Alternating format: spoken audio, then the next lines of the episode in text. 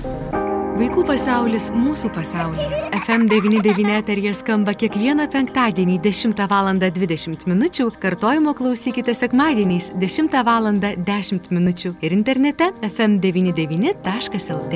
Vaikų pasaulis mūsų pasaulyje. Prie laidos finansavimo prisideda spaudos, radio ir televizijos rėmimo fondas. Sveiki, gyvi brangus bičiuliai, studijoje prie mikrofono Eglė Malinauskinė. Šiandien laidoje Vaikų pasaulis mūsų pasaulyje jau minėjau, kad kalbėsime apie mikčiojimą, juk spalio 22 dieną visame pasaulyje turime galimybę paminėti pasaulinę mikčiojimo supratimo dieną. Tad kas tai yra, kaip spręsti tas problemas, ar tai yra problema? Apie visą tai ir dar daugiau šiandien labai džiaugiuosi, kad galėsime pasikalbėti su Vytauto didžiojo universiteto švietimo akademijos dėstytoja, logopede, psichologė, daktarė Vilma Makauskienė. Labą dieną, gerbima Vilma. Labą dieną, sveiki. Kaip labai malonu Jūs girdėti šiandien, Vilma. Ir e, tikrai jau iš anksto padėkosiu, kad galite skirti savo laiko ir, ir galėsite pasidalinti savo žiniomis ir profesionalumu mūsų laidoje. Tad šiandien, kuomet e, kalbame apie mikčiojimą, aš noriu Jūsų ir klausti pirmiausiai turbūt, kas yra mikčiojimas, kaip tai apibūdintumėte, kaip suprasti, kas tai yra apskritai. Mikčiojimas yra sklandus kalbėjimo sutrikimas, kuris pasireiškia garsus skiemenų pakartojimu, tesimu, padidėjusi artikuliacinio aparato įtampa, ką mes visi pripratę matyti, kai bendraujame su mikčiojančiu žmogumi. Tačiau, na, toks apibūdinimas nurodo tik išorinius mikčiojimo požymius, nusako, kaip žmogus bendrauja, kaip jisai kalba.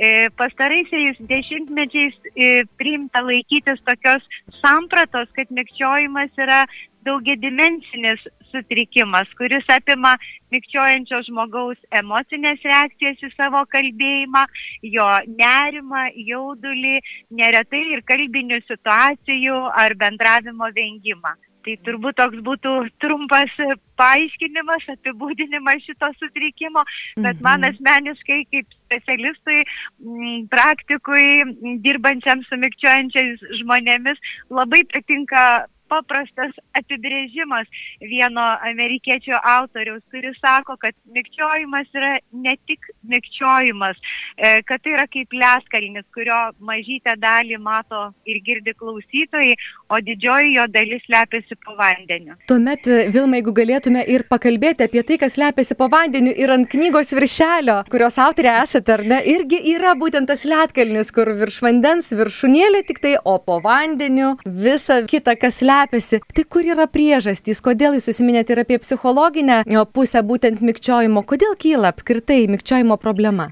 Šiaip apie priežastis iš tikrųjų būtų galima labai plačiai ir daug kalbėti, nes be galo daug teorijų per ilgus metus bando paaiškinti mikčiojimo atsiradimą.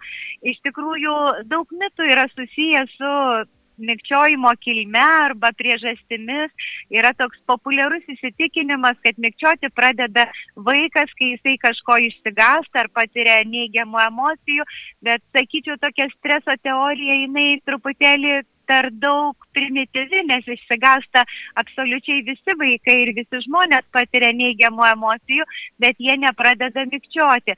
Tai iš tiesų manoma, remiantis naujausiais moksliniais tyrimais, kad e, žmogus gimsta turėdamas polinkį į kalbėjimo nesklandumus, o įvairios teigiamos, neigiamos emocijos, aplinkos veiksniai gali šią problemą išprovokuoti, paskatinti, sustiprinti ir vienai par kitai paveikti žmogaus kalbą. Mhm. O yra tiesos tame, kad e, jeigu, pavyzdžiui, tėveliai uh, turi tokį sutrikimą ar turėjo, tai tikimybė yra, kad vaikutis taip pat turės didesnę tikimybę tai, tai irgi turėti.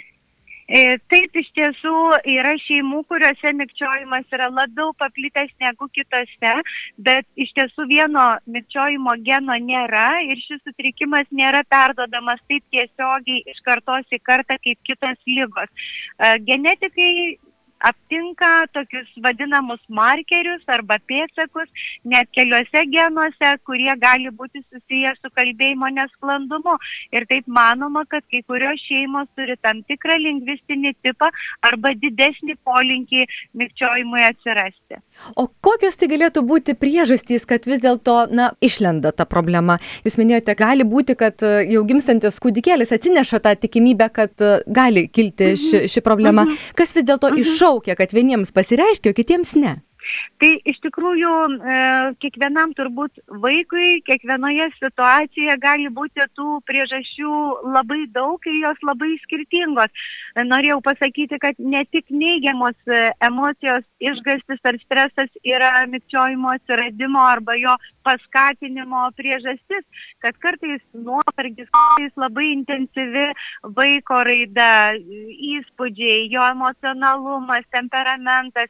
E, pačios įvairiausios priežastys ir nebūtinai kažkokie ypač reikšmingi dideli įvykiai tai gali išprovokuoti, bet kartais susideda daug mažyčių priežasčių, vad būtent tame intensyviame kalbos raidos laikotarpyje, kurie vaikams, kurie turi polinkį į užsikirtimus, gali mikčiojimą paskatinti. Na dabar tikiu, kad yra klausytojų, kurie sakytų, na, pas mane ten artimųjų rate tai tikrai tokių problemų nebuvo, tokių sutrikimų kalbos nebuvo, o va, pavyzdžiui, aš arba mano vaikas turi. Taip, tikrai taip ir labai dažnai e, mikčiojančio vaiko šeimoje, netgi plačioje giminėje, pirmos, antros eilės pusbrolius ir pusseserės, vertinant tikrai šitos problemos nėra, nes kiekvieno mūsų DNR kodas yra unikalus ir kaip jis susiformuoja, kokie mūsų gebėjimai, kokie mūsų uh, polinkiai ar silpnesnės vietos jame atsiranda tikrai, na, bent jau mikčiojimo atveju nėra tiesiogiai susiję su kitų šeimos narių kalbos e, problemomis, užsikirtimais. Mhm. O kada pasireiškia dažniausiai, Vilma, tie mikčiojimo sutrikimai žmogui? Mhm, dažniausiai jie atsiranda tarp 3-5 metų, turbūt 85 procentai visų mikčiojimo atvejų būtent mhm. šitų laikotarpių prasideda. E, dažnai kyla klausimas, kodėl būtent šitame amžiuje.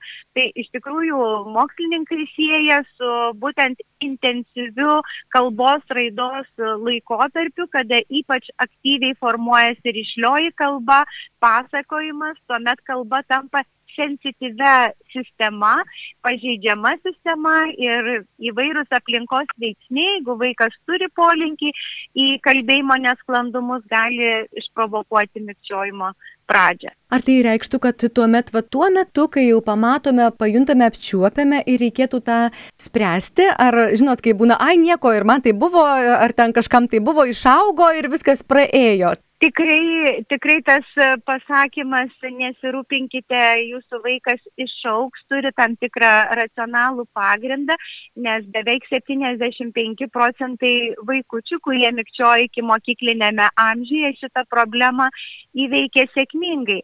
Bet sakyčiau, tikrai tai nėra labai atsargus e, patarimas tevam, laukite ir nieko nedarykite, nes visų pirma, šeima visada būna susirūpinus ir išsigąs išsigandus ir sunerimus, kai vaiko kalba pasikeičia.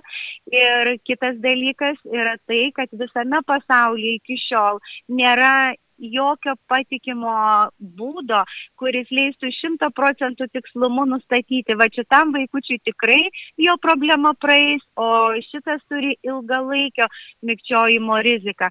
Todėl um, visa, visose šalise, kur yra tikrai kokybiška logopedo pagalba ir teikiamos paslaugos labai mažiems vaikams, tai tikrai pagalba teikiama šeimai tada, kada mikčiojimas prasideda. Jis, aišku, gali būti intensyvesnė, jeigu mes orientuojamės, kad yra tikimybė tai ilgalaikės problemos rizikai, jinai gali būti labiau konsultacinė, kaip rekomendacija šeimai, tevams, kaip bendrauti, ką daryti, kad mikčiojimas praeitų, bet manau, kad tikrai vien pasakymo nesirūpinkit, viskas e, praeis, jūsų vaikas išauks, na, tikrai nepakanka. Juolab, kad e, tai gali daryti didelę įtaką vaiko psichologiniai savijautai, ar ne, savivertė ir aplinkos prieimimui, vaikų prieimimui, kas e, ypatingai tokiam amžiui ir vyresniam vaikui yra ypatingai na, svarbu, ar ne? E, taip, iš tikrųjų dauguma tėvelių būna susirūpinę, kaip vaikas eis į mokyklą, kaip jisai atsakinės klasėje, ar iš jo nesijuoks darželėje, nes būna vaikų, kurie labai greitai ir labai emocionaliai sureaguoja į tai, kad jiems sunku kalbėti, kad kažkas pasikeitė, kažkas jiems neleidžia išsakyti savo minčių ir norų.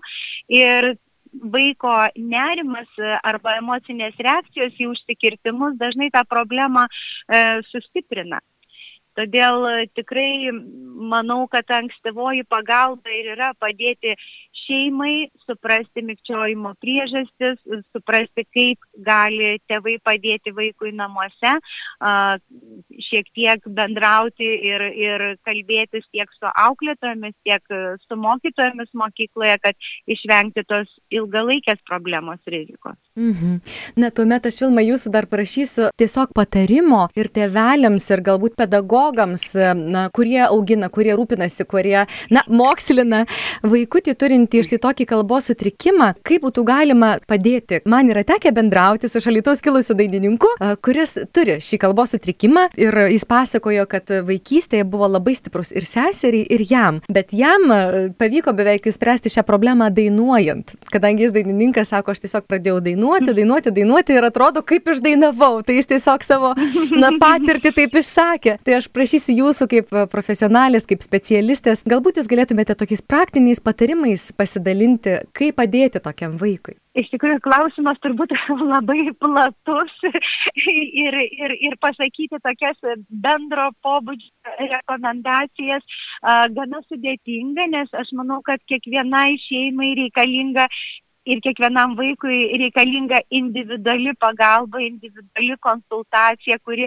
pirmiausiai tai padėtų na, eliminuoti arba išvengti tų veiksnių, kurie provokuoja mikčiojimą.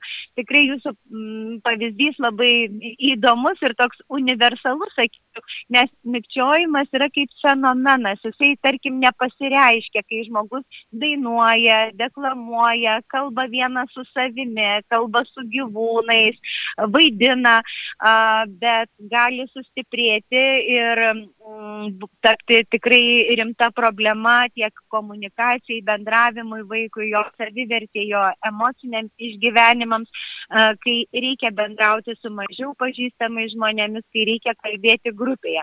Tai dabar, jeigu kalbant apie pagalbos būdus, jų iš tikrųjų yra be galo daug, turbūt šimtais galima skaičiuoti skirtingas mikčiojimo veikimo programas. Vienos programos arba strategijos pagalbos yra taikomos mažiems vaikams, kitos vyresniems, mokyklinio amžiaus ir dar kitokios yra taikomos suaugusiems. Bet turbūt mano patarimai mm, šeimai tai pirmiausiai būtų, jeigu jūs neramina vaiko kalba, jeigu atsirado užsikirtimai, tai tikrai reikėtų nelaukti ir turbūt nedėlsti, bet geriau pasitarti su specialistu, kuris išgirstų jūsų vaiko, jūsų šeimos e, istoriją, mikčiojimo atsiradimo istoriją, paaiškintų turbūt konkretesnės um, bendravimo e, situacijas ir sąlygas, kurios e, skatina, gerina vaiko kalbėjimo sklandumą. Nes tikrai su mažais vaikais tokių stebuklingų pratimų komplektų nėra, jiems yra dažnai sunku save e, reguliuoti ir valdyti savo kalbą, kaip ir suaugusiems, kai mes jaučiamės emociškai susijaudinę ar teigiamai ar neigiamai, mūsų ir tempas bus greitesnis ir kalba netokia sklandi. Tai va, tai formos e, vyksta tie susitikimai susitikimai su logopedu, tėvai gali kartu, būdami pratybose, mokytis tų įvairiausių bendravimo būdų. Tai jeigu nu, sukonkretinti tas e, pasimus, rekomendacija šeimai, aš manau, svarbu būti kantriais klausytojais, nepertraukti vaiko kalbos, bet tuo pačiu mokyti ir jį sulaukti savo eilės kalbant, taip pat kalbėti ramesniu, lėtesniu tempu, nes tada vaikas labiau prisitaiko prie pašnekovo ir pavyzdys veikia geriau, vietoj to, kad mes sakytumėm, tu neskubėk, arba tu įkvėp, arba tu palauk. Tai toksai būtų kaip modeliavimo e, principas. Aišku, dar labai priklauso nuo to, kiek šeimoje yra vaikučių, koks vaiko temperamentas, kokia veikla jam patinka, kokie žaidimai jam patinka. Žodžiu, tikrai manau, kad kiekvienai šeimai tos rekomendacijos turėtų būti šiek tiek na, individualizuotos ir atitikti ir šeimos, ir vaiko poreikius. Na, o tų tokių klasikinių bendrųjų rekomendacijų aš tikrai siūlyčiau tevams e, susirasti Amerikos mikčiojimo fondo puslapis, Petering Foundation of America, e, kuriame yra ir video medžiagos, e, keletas videofilmų, kaip turėtų bendrauti su mikčiojančiu vaikučiu ir nemokamos e, literatūros, lankstinukų, taip pat e, logopedinės pagalbos centro puslapyje yra įkelta nemažai informacijos, kuri tiek pedagogams, tiek šeimai, tokio kaip bendro pobūdžio rekomendacijos pačiai pradžiai galėtų būti naudingos. Štai Vilma, jūs kaip pasakojate, užsiminėte apie Junktinės Amerikos valstijas, jums teko stažuotis ir Junktinės Amerikos valstijose, ir Kanadoje, ir teko uh, skaityti, kad jūs dalyvavote konferencijoje ir Australijoje, ir Rusijoje, Kroatijoje, Belgijoje, Graikijoje, na tikrai pasaulyje jūs matėte daug. Sakykite, jeigu taip mėgintume žvilgtelėti situaciją Lietuvoje ir pasaulyje, ar ne, ar Lietuvoje pakankamai skiriama dėmesio būtent šiam kalbos sutrikimui? Na aš tikrai labai aukštai vertinu labai gerai vertinu lietuvos e, logopedų pasirengimą e, dirbti praktikoje. Galbūt mūsų šalis išsiskiria iš e, tų didžiųjų šalių tuo kad logopedai neturi galimybės specializuotis dirbdami su viena problema. Jeigu žmogus dirba darželyje arba mokykloje tai teikia paslaugas visiems ten esantiems vaikučiams. Mano pačios profesinė praktika susiklostė truputį kitaip.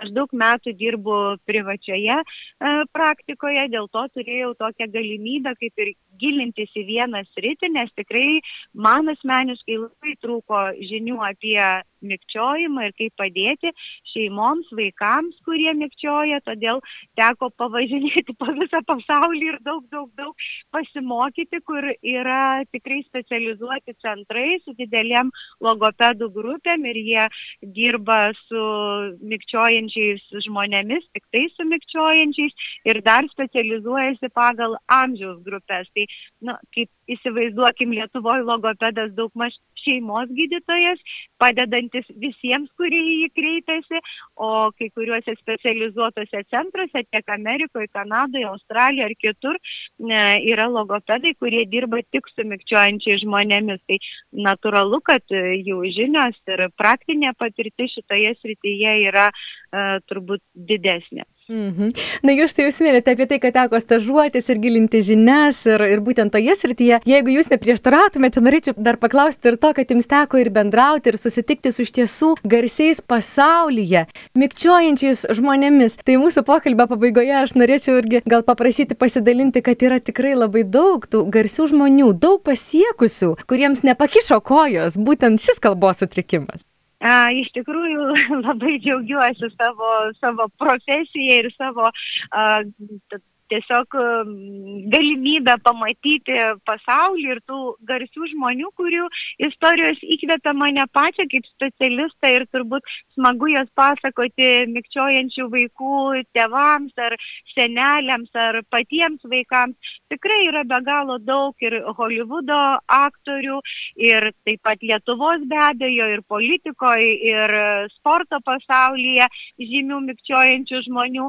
Na, turbūt vieną iš tokių labiausiai šiandien žinomų pasaulyje, tai norėčiau paminėti Amerikos prezidentą, kurio tikrai a, kalbą teko girdėti dalyvaujant pobūvyje Amerikos e, mikčiojimo instituto organizuotoj vakarieniai ir Joe Bidenas e, tikrai labai nuoširdžiai, labai gražiai papasakojo apie savo kaip mikčiojančio žmogaus e, vaikystę, gyvenimą, kaip jam buvo sudėtinga kalbėti, bendrauti mokykloje ir kiek jisai įdėjo pastangų dirbdamas su logopedais, bet, na, iš tiesų pasiekimai yra stulbinantis, nes tikrai e, turbūt dauguma matėt ir tiesioginiam eterį išnekant ir didžiuliams minioms žmonių, taip kad mikčiojimas net ir tas, kuris išlieka, kuris, na, yra viso gyvenimo problema, skatinanti žmogų nuolat prisiminti tas technikas ir valdyti e,